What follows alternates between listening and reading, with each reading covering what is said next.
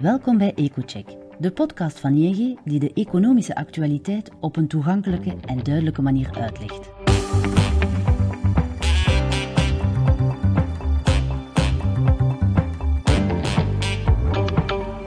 Om de twee weken buigen onze economen zich over de meest besproken gebeurtenis en analyseren zij de economische en financiële gevolgen voor u of uw onderneming.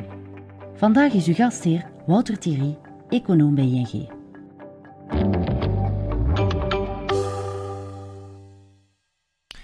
De centrale banken wereldwijd hebben het afgelopen jaar de rentetarieven aanzienlijk verhoogd als reactie op de hoge inflatie. Desondanks blijft de huidige inflatie veel hoger dan de doelstelling van 2% van de Europese Centrale Bank. Als we de energieprijzen buiten beschouwing laten, is er zelfs nauwelijks een afname in de inflatie te bespeuren. Dit roept de vraag op of de renteverhogingen van de centrale banken wel effectief zijn in het terugdringen van de inflatie. In deze aflevering onderzoeken we hoe lang het duurt totdat renteverhogingen impact hebben op de reële economie en welke factoren dit proces kunnen versnellen of vertragen.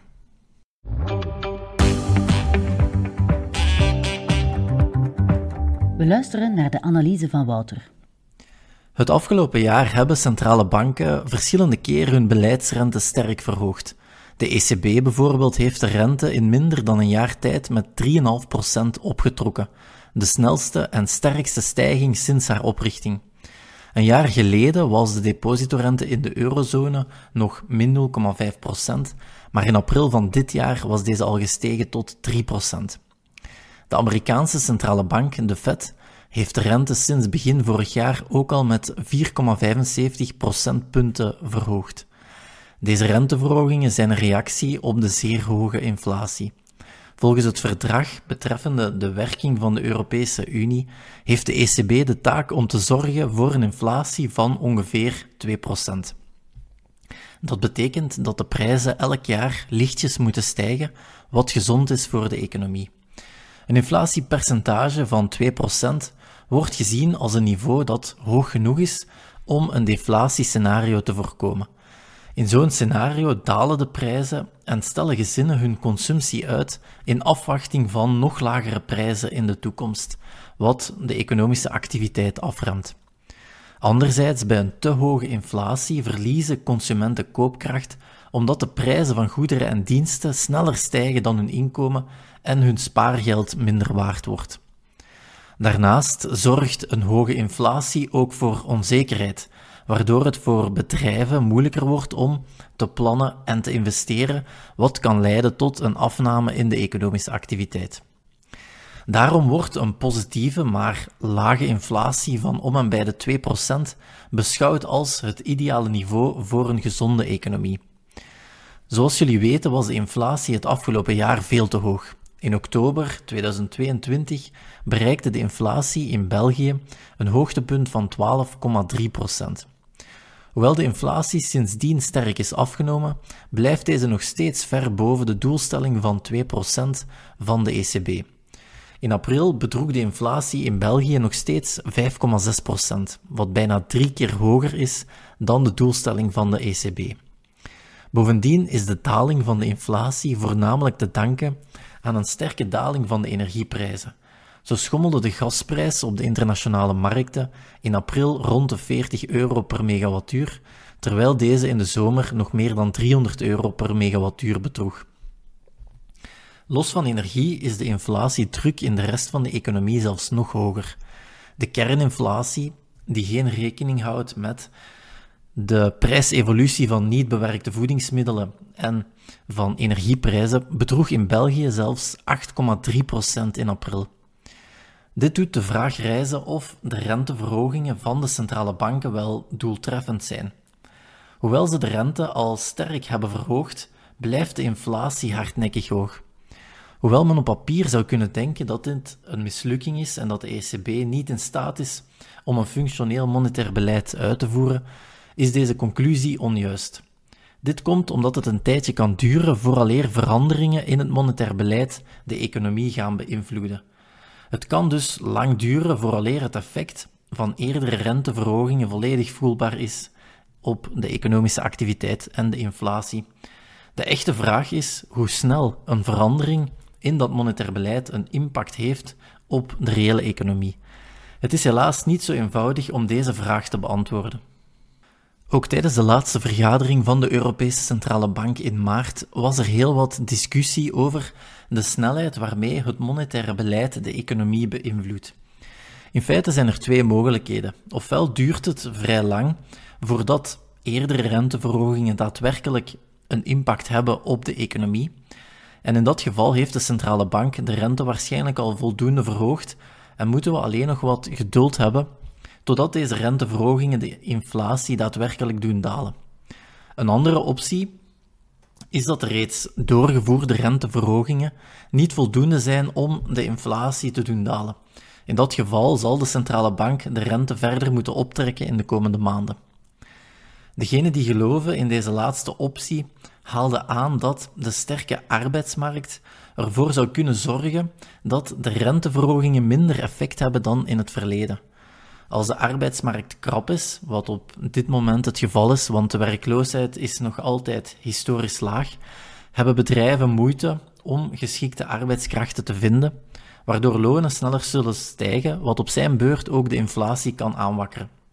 Dus als de arbeidsmarkt krap is, is het voor werknemers makkelijker om een hoger loon te vragen. Bedrijven gaan die hogere lonen natuurlijk gaan doorrekenen in hun prijzen nadien. Het is daarom mogelijk dat we het effect van de renteverhogingen momenteel wat overschatten, omdat de hogere lonen in feite het effect van de renteverhogingen teniet doen. Andere leden van de ECB voerden dan weer aan tijdens de laatste vergadering in maart dat de impact van de renteverhogingen nu al merkbaar is en dat het lang kan duren voordat het volledige effect is bereikt. Mogelijk heeft zelfs de allereerste renteverhoging van de ECB in juli 2022 zijn volledige effect nog niet gehad, waardoor we het effect van de renteverhogingen zelfs zouden kunnen onderschatten op dit moment. Deze groep wees erop dat het al duurder geworden is om een lening te krijgen bij de bank. De rente op een hypothecaire lening met een looptijd van 20 jaar is in België bijvoorbeeld al gestegen van 1,4% begin vorig jaar naar 3,4% in april 2023. Dit heeft een grote invloed gehad op het aantal toegekende hypothecaire leningen, die in maart bijna de helft lager lag dan in maart 2022. Ook voor bedrijven is het veel duurder geworden om te lenen, waardoor ze minder gaan lenen en natuurlijk ook minder gaan investeren. Dit zal de economische groei afremmen, waardoor het voor bedrijven moeilijker zal worden om nieuwe prijsverhogingen te gaan doorvoeren in de toekomst, wat de inflatie geleidelijk aan zal afremmen.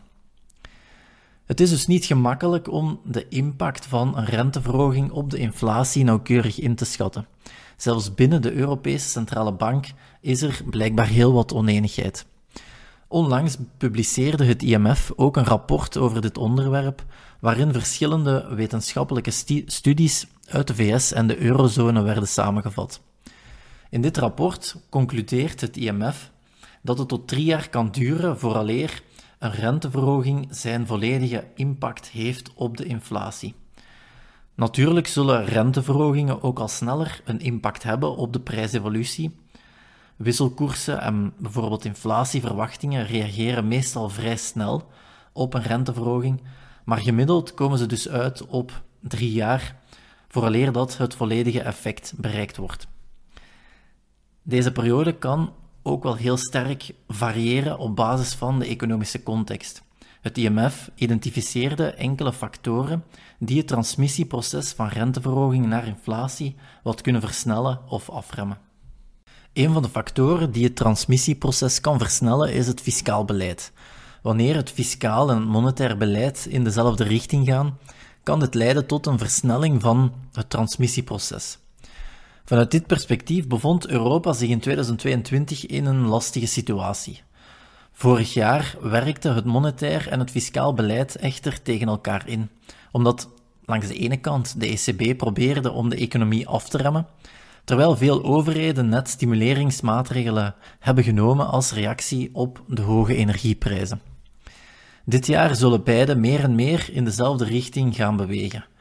Naar verwachting zullen veel landen in 2023 beginnen met het afbouwen of stopzetten van dergelijke maatregelen, waardoor het monetaire en het fiscale beleid steeds beter op elkaar zullen worden afgestemd. En dit zal waarschijnlijk ook het transmissieproces gaan versnellen. Een ander belangrijk element dat de transmissie kan beïnvloeden is het beleid van andere centrale banken.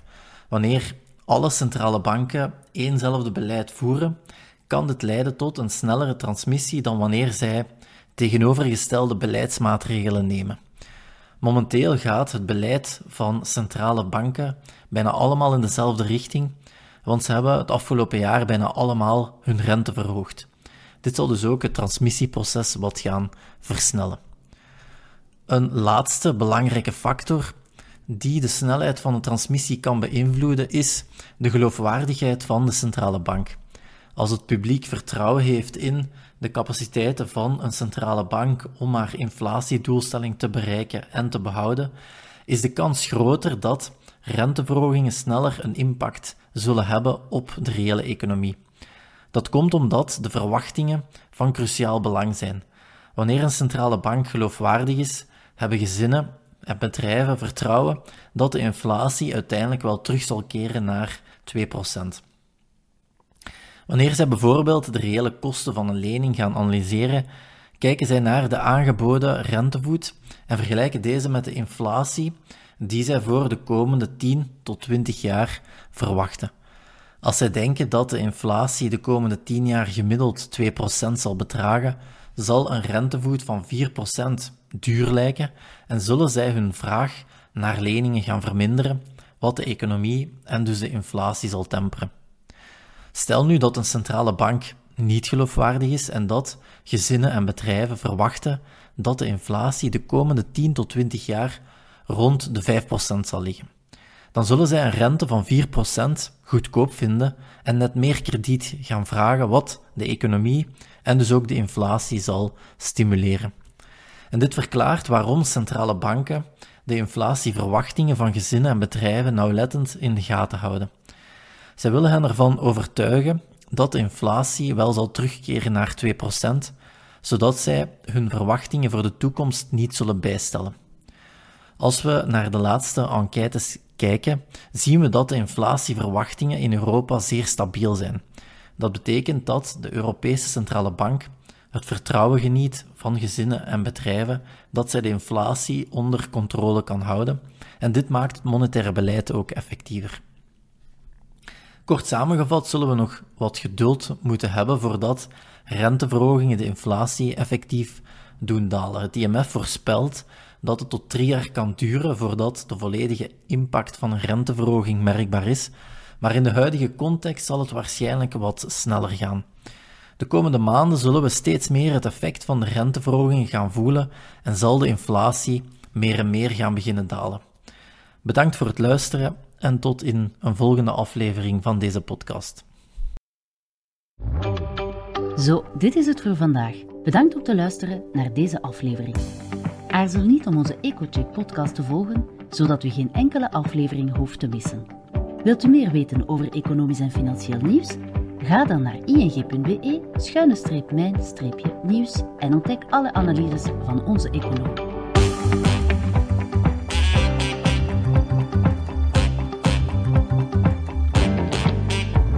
Graag tot de volgende aflevering.